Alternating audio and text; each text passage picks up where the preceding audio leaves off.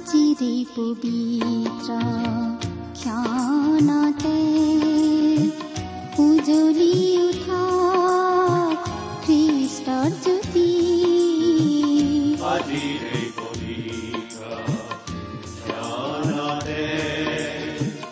উজ্বলি উঠা খ্ৰীষ্টৰ জ্যোতি আকাশ বতাহ মুখৰিত কৰি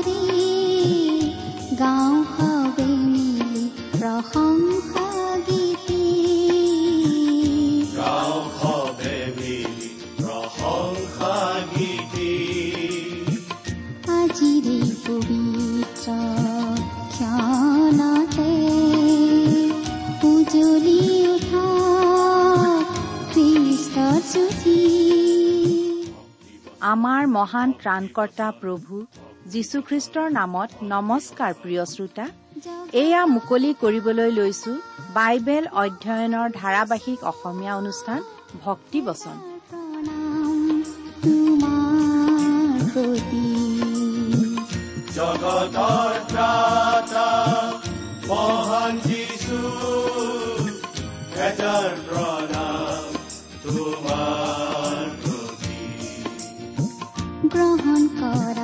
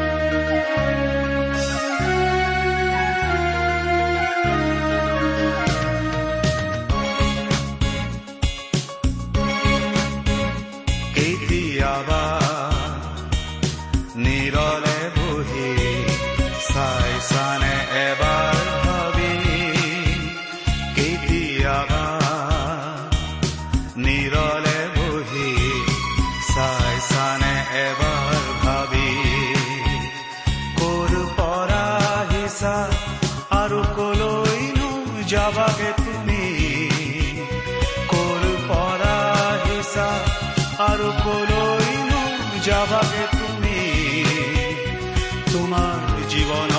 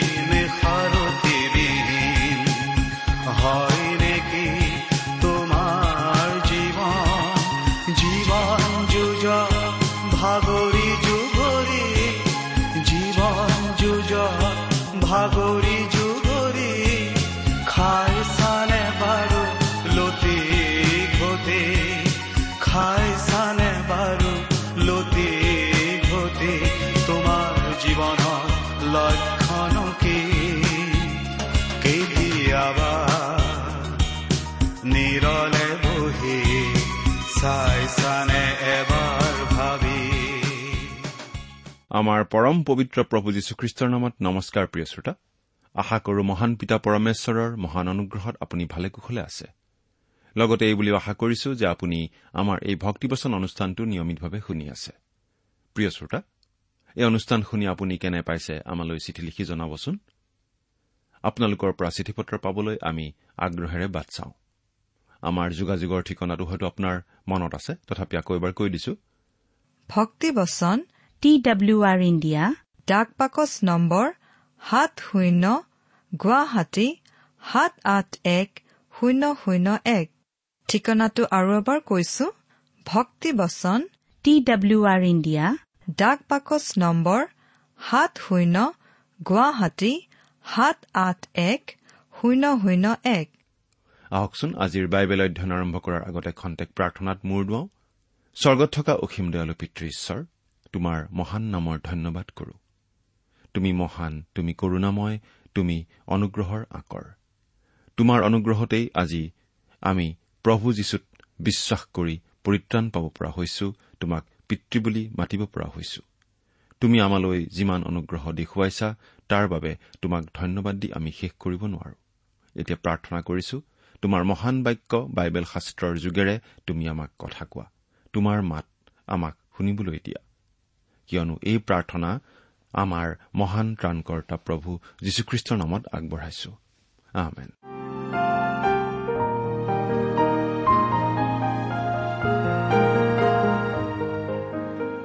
প্ৰিয় শ্ৰোতা আপুনি বাৰু আমাৰ এই ভক্তিপচন অনুষ্ঠানটো নিয়মিতভাৱে শুনি আছেনে?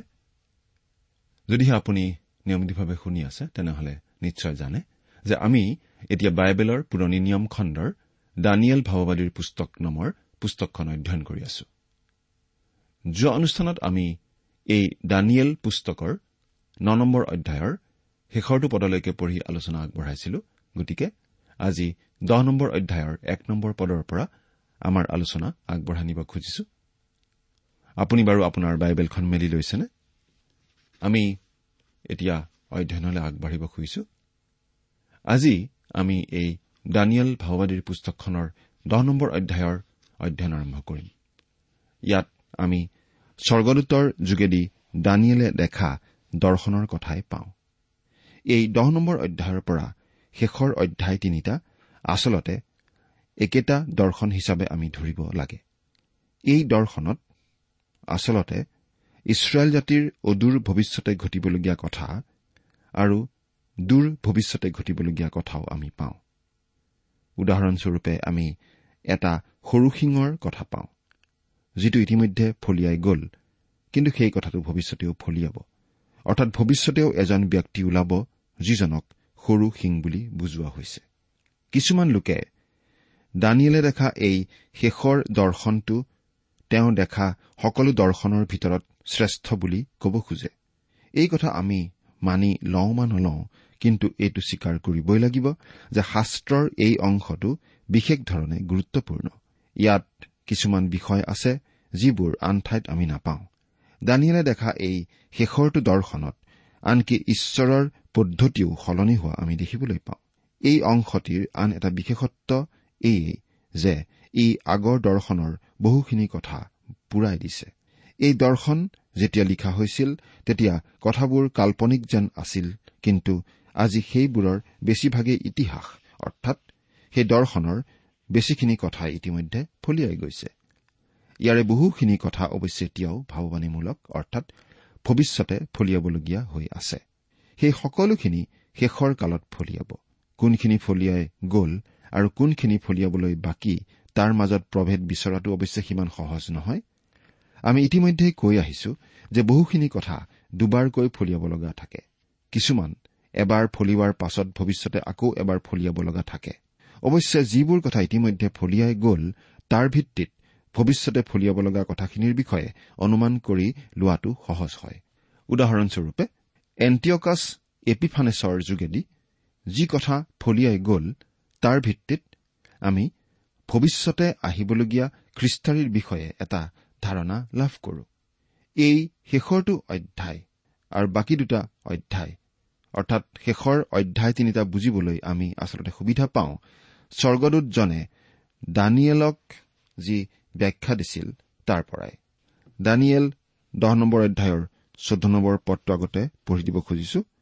এতিয়া শেষ কালত তোমাৰ জাতিলৈ যি ঘটিব তাকে তোমাক বুজাই দিবলৈ মই আহিলো।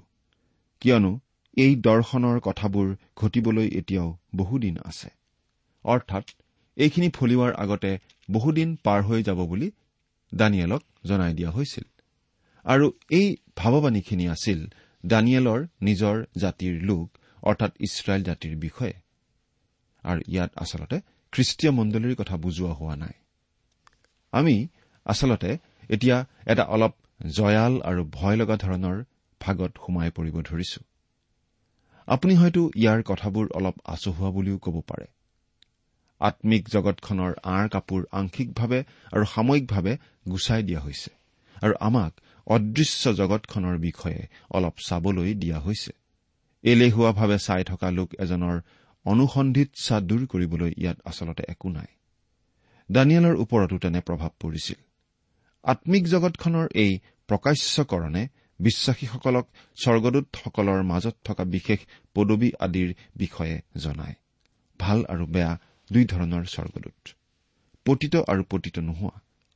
দুই ধৰণৰ স্বৰ্গদূত। আমি ছয়তানৰ ৰাজ্যখনৰ বিষয়েও অলপ জানিব পাৰিম যি ৰাজ্য আজি আমাৰ চাৰিওফালে আছে। এই সম্পৰ্কে বহুতো কথাই কোৱা হয় লিখাও হয়। বহুতো লোকে অলপ কথা জানে কিন্তু তাকেই ৰহন লগাই দীঘলীয়া কৰি কৰি কয়। আমি কিন্তু বাইবেলে আমাক যিখিনি জনাই দিছে কেৱল সেইখিনিহে চাম। আমাৰ এনেকুৱা এটা ধাৰণা হয় যে স্বৰ্গদূতসকলৰ স্বাধীন মন আছে। কাৰণ তেওঁবিলাকৰ বহুতে ছয়তানৰ লগ লৈ ঈশ্বৰৰ বিৰুদ্ধে বিদ্ৰোহ কৰিছিল। ইয়াৰে কিছুমান ভূত বুলি কোৱা হৈছে আৰু সেইবোৰৰ বিষয়ে সুবাৰ্তা কেইখনত বহুবাৰ উল্লেখ কৰা আছে। স্বৰ্গদূতসকলৰ পদবী আছে আৰু নানা ধৰণৰ ক্ষমতা আৰু সামৰ্থ আছে। আমি কলচীয়া পুস্তকৰ এক নম্বৰ অধ্যায়ৰ ছয় নম্বৰ পদত এনেদৰে পঢ়িবলৈ পাওঁ। যিদিনা তোমালোকে সত্যৰূপে ঈশ্বৰৰ অনুগ্ৰহৰ কথা শুনিলা আৰু জানিলা সেইদিনৰে পৰা সেই শুভবাৰ্তা তোমালোকৰ মাজত যেনেকৈ গোটেই জগততো তেনেকৈ উপস্থিত হৈ ফল ধৰি বাঢ়ি আছে। ইয়াৰ দ্বাৰা ঈশ্বৰৰ সৃষ্টিৰ এটা শ্ৰেণী বিভাজন আমি দেখিবলৈ পাওঁ। কেৱল স্বৰ্গত আৰু পৃথিৱীত থকা সকলৰ মাজতেই নহয় দৃশ্য আৰু অদৃশ্যসকলৰ মাজতো। আমি আজি চকুৰে নেদেখা অদৃশ্য জগত এখন আছে। চকুৰে নেদেখা বিভিন্ন শক্তিৰ বিষয়ে আজি বিজ্ঞানেও আৱিষ্কাৰ কৰি আছে। ঈশ্বৰে সৃষ্টি কৰা সকলো স্বৰ্গদূত সমান পৰ্যায়ৰ নহয়। কিছুমান বিশেষ ক্ষমতা আৰু পদবী থকা স্বৰ্গদূত আছে। কিছুমান বিশেষ দূত আছে যেনে মিখাইল আৰু গাব্ৰিয়েল। আনহাতে চিৰাফ আৰু কৰোব আদি বিশেষ দায়িত্বত থকা দূতো আছে। আনহাতে স্বৰ্গদূতৰ বাহিনীবোৰৰ অধিপতিও আছে। আনহাতে বিশেষ ক্ষমতা থকা স্বৰ্গদূতবোৰো আছে যিসকলে আমাৰ অভিভাৱক আৰু ৰক্ষক দূত হিচাপে দায়িত্ব বহন কৰে। কিছুমান বিশেষ ক্ষমতা সম্পন্ন স্বৰ্গদূত আছে আৰু সেই তেনেকুৱা বিশেষ ক্ষমতা সম্পন্ন স্বৰ্গদূত কিছুমানে ছয়তানৰ লগৰীয়া হৈ ঈশ্বৰৰ পৰা আঁতৰি গৈছিল। আৰু সেইবাবেই খ্ৰীষ্টীয় বিশ্বাসীসকলক এই বুলি সোঁৱৰাই দিয়া হৈছে ইফিচিয়া ছয় নম্বৰ অধ্যায়ৰ বাৰ নম্বৰ পদত কিয়নো তেজ আৰু মাংসেৰে সৈতে আমাৰ মাল যুদ্ধ হোৱা নাই। কিন্তু আধিপত্য ক্ষমতা এই অন্ধকাৰৰ জগতপতি আৰু স্বৰ্গীয় ঠাইবোৰত দুষ্টতাৰ আম্মিক দলবোৰে সৈতে হৈছে। ছয়তানৰ লগৰীয়া আৰু অনুগামী দূতবোৰকো বিশেষ পদবী দি সজোৱা আছে। এটা সৈন্য দলৰ বিৰুদ্ধে যেনেকৈ আন এটা সৈন্য দল সজোৱা হয় দুই পক্ষতে একোজন সেনাধ্যক্ষ থাকে। ঠিক তেনেকৈ ছয়তানৰ অনুগামী সেই সেনাধ্যক্ষবোৰ জাতিসমূহৰ দায়িত্বত থকা যেন আমাৰ ধাৰণা হয়। আনহাতে ছয়তানৰ সৈন্য বাহিনীৰ সাধাৰণ সেনাবোৰে একো একোজন মানুহক বশত ৰাখিবলৈ চেষ্টা কৰে। আন কিছুমান আকৌ ছয়তানৰ জাগতিক কাৰ্যকলাপবিলাকৰ দায়িত্বত থাকে। বিভিন্ন অসুচী আত্মাবোৰে ধাৰ্মিকতাৰ নামত মানুহৰ ওপৰত প্ৰভাৱ পেলাই থাকে। ছয়তানৰ বিভিন্ন বিভাগৰ ভিতৰত এই ধৰ্মৰ বিভাগটো অন্যতম। ছয়তান ধৰ্মৰ বিপক্ষ নহয়। ছয়তান যীশুখ্ৰীষ্টৰহে বিপক্ষ কিন্তু ধৰ্মৰ সপক্ষ। ধৰ্ম বাঢ়ি যোৱাটো ছয়তানে বেয়া নাপায়। খ্ৰীষ্টিয়ান ধৰ্মৰ বিপক্ষ ছয়তান নহয়। ছয়তান খ্ৰীষ্টৰহে বিপক্ষ। ঈশ্বৰৰ অনুগামী স্বৰ্গদূতসকল আৰু ছয়তানৰ অনুগামী দূত আৰু অসুচী আত্মবোৰৰ মাজত অনবৰতেই এখন যুঁজবাগৰ চলি আছে। আৰু এই যুঁজবাগৰ হৈছে মানুহৰ আত্মাৰ ওপৰত কোনে নিয়ন্ত্ৰণ চলাব পাৰে সেই বিষয়ক লৈ। এই বিশেষ শাস্ত্ৰাংশ অধ্যয়ন কৰোঁতে আমি এই কথা আৰু অধিককৈ জানিব পাৰিম। এতিয়া আমি ডেনিয়েল দহ নম্বৰ অধ্যায়ৰ এক নম্বৰ পদটো পাঠ কৰি দিব খুজিছো। পাৰস্যৰ কোৰছ ৰজাৰ ৰাজত্বৰ তৃতীয় বছৰত বেলচছৰ নামেৰে প্ৰখ্যাত দানিয়েলৰ আগত এটা কথা প্ৰকাশ কৰা হ'ল। সেই কথা সত্য আৰু মহাযুদ্ধ বিষয়ক। তেওঁ সেই কথা বুজিলে আৰু দৰ্শনৰ বিষয়ে জানিলে। কোৰছৰ ৰাজত্বৰ তৃতীয় বছৰ মানে পাঁচশ চৌত্ৰিশ খ্ৰীষ্টপূৰ্ব। অৰ্থাৎ দানিয়েলে সত্তৰ সপ্তাহৰ যি দৰ্শন দেখিছিল তাৰ প্ৰায় চাৰি বছৰ পাছত। এই সময়ত দানিয়েল অতি বৃদ্ধ হৈছিল আৰু খুব সম্ভৱ ৰজাঘৰীয়া কামৰ পৰাও তেওঁ অৱসৰ লৈছিল।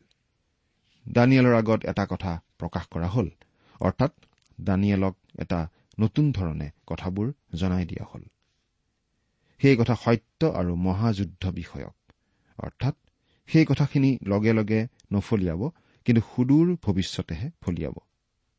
তেওঁ সেই কথা বুজিলে আৰু দৰ্শনৰ বিষয়ে জানিলে অৰ্থাৎ এই দৰ্শনৰ কথাটো দানিয়েলক অতি স্পষ্টকৈ বুজাই দিয়া হৈছিল। দুই আৰু তিনি নম্বৰ পদ।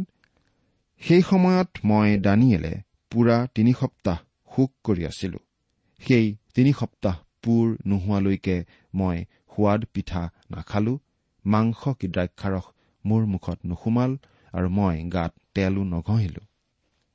দানিয়েলে তিনিদিন ধৰি আচলতে গা ধোৱা নাছিল বুলি আমি ক'ব পাৰো।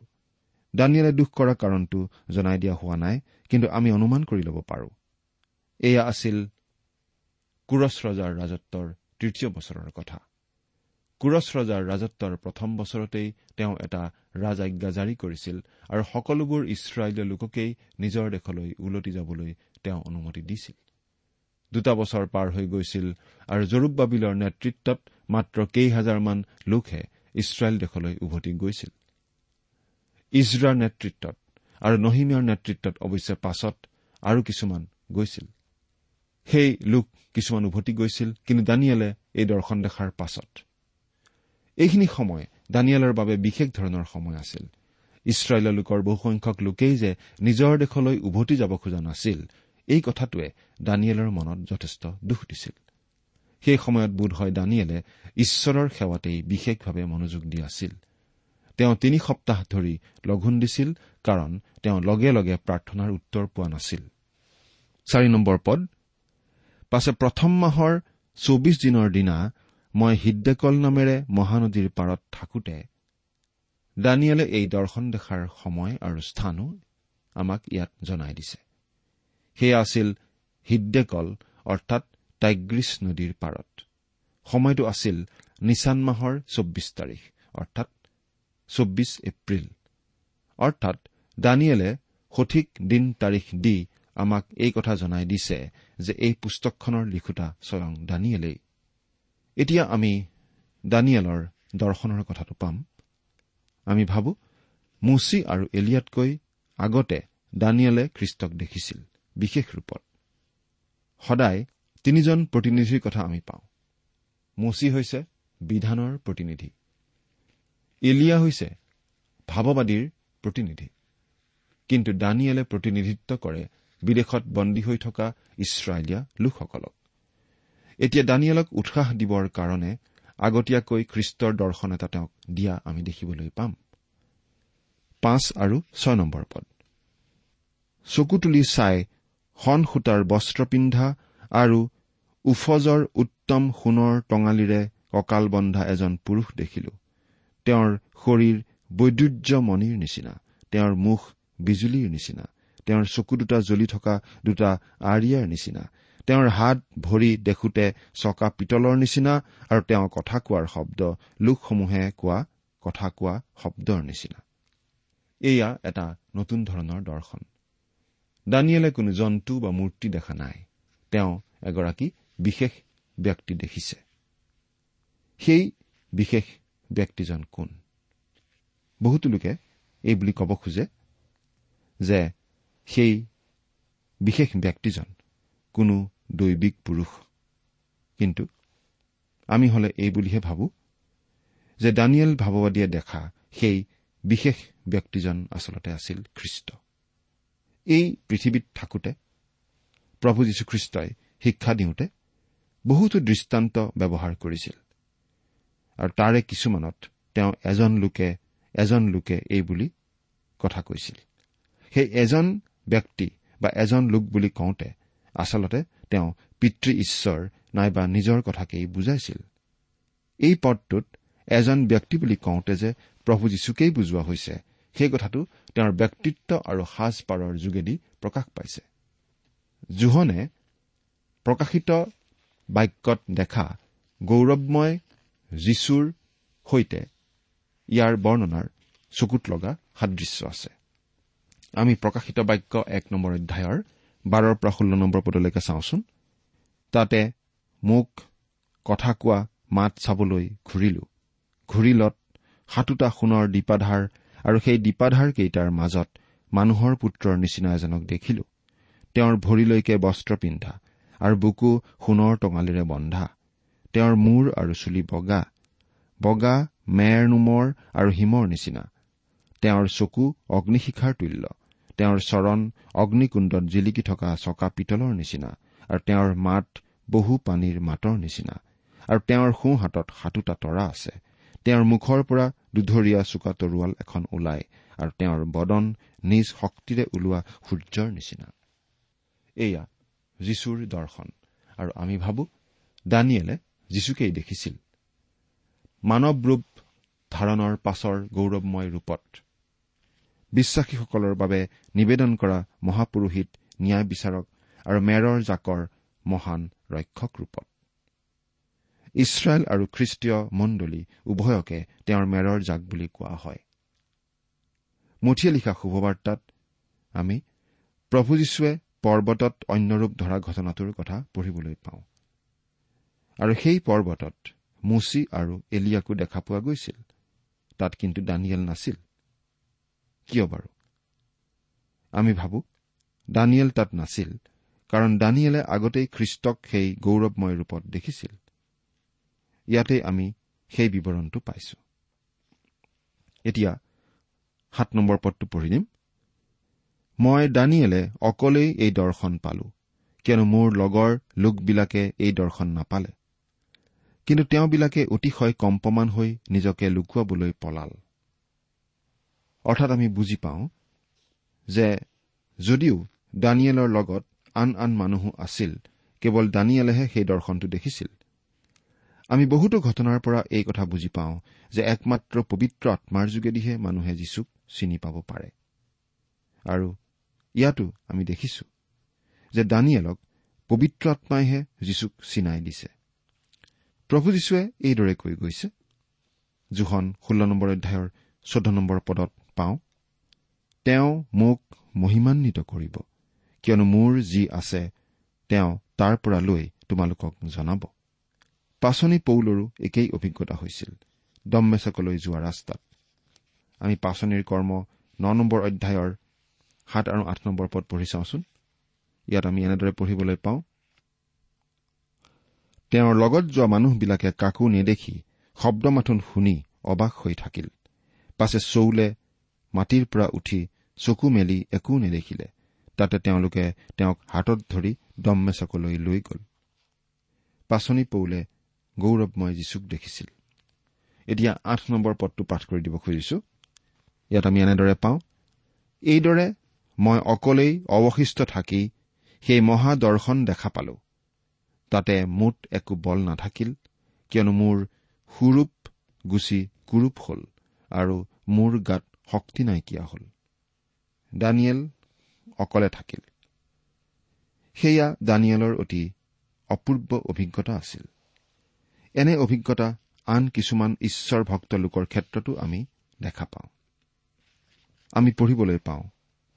অব্ৰাহামেও সকলো ত্যাগ কৰি সকলো এৰি ঈশ্বৰৰ সৈতে অকলশৰে আগবাঢ়িছিল। আমি পঢ়িবলৈ পাওঁ। মুচিয়েও নিজৰ জাতিৰ লোকৰ পৰা আঁতৰি গৈ মিডিয়ন দেশৰ অৰণ্যত অকলশৰে ঈশ্বৰক লগ পাইছিল। এলিয়া জিৰিমিয়া আদিৰো একেধৰণৰেই অভিজ্ঞতা হৈছিল। জোহন বাপ্তাইজক অকলশৰে অৰণ্যত আছিল কিন্তু তেওঁৰ লগত আছিল ঈশ্বৰ। সেই একেই অৰণ্যতে পৌলো আছিল দুবছৰ অকলশৰে কিন্তু তেওঁৰ লগত আছিল ঈশ্বৰ। পাচনি জোহনক নিৰ্বাসন দিয়া হৈছিল পাত্মদ্বীপত তেওঁ তাত আছিল অকলশৰীয়া কিন্তু তেওঁৰ লগত আছিল ঈশ্বৰ। আৰু তাতেই তেওঁ ঈশ্বৰৰ যোগেদি দৰ্শন পাই প্ৰকাশিত বাক্য পুস্তকখন লিপিবদ্ধ কৰিছিল। প্ৰিয় শ্ৰোতা মানুহে প্ৰাৰ্থনা সভা পাতি একেলগে সেৱা উপাসনা কৰিবলৈ বৰ ভাল পায়। কিন্তু আপুনি বাৰু ঈশ্বৰৰ সৈতে অকলশৰে সময় কটাবলৈ ভাল পায়নে? আপুনি বাৰু ঈশ্বৰৰ সৈতে অকলশৰে সময় কটাইছেনে? তেনে অৱস্থাতেই ঈশ্বৰে আপোনাক আচলতে লগ দিব।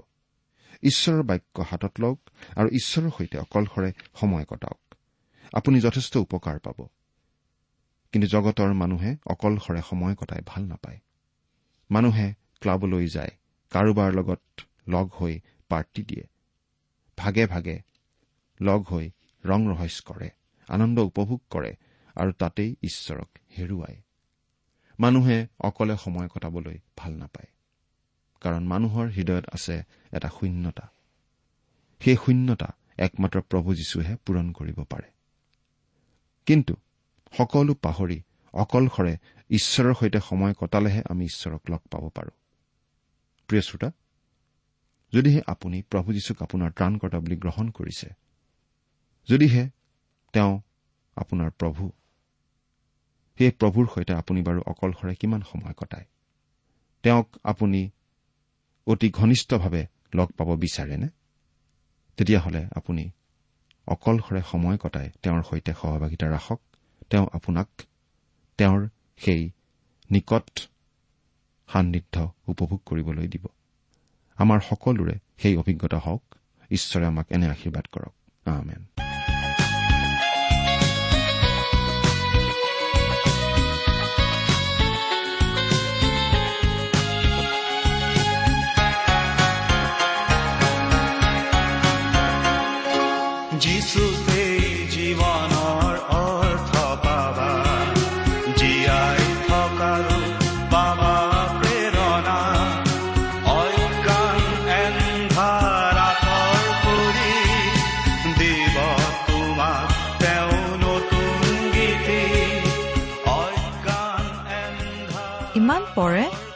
ভক্তিবচন অনুষ্ঠানটি শুনিলে। অনুষ্ঠানটি শুনি কেনে পালে আমালৈ চিঠি লিখি জনাবচোন।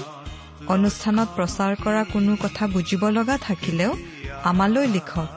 আমাৰ ঠিকনা ভক্তিবচন টি ডাব্লিউ আৰ ইণ্ডিয়া ডাক পাকচ নম্বৰ সাত শূন্য গুৱাহাটী সাত আঠ এক শূন্য শূন্য এক।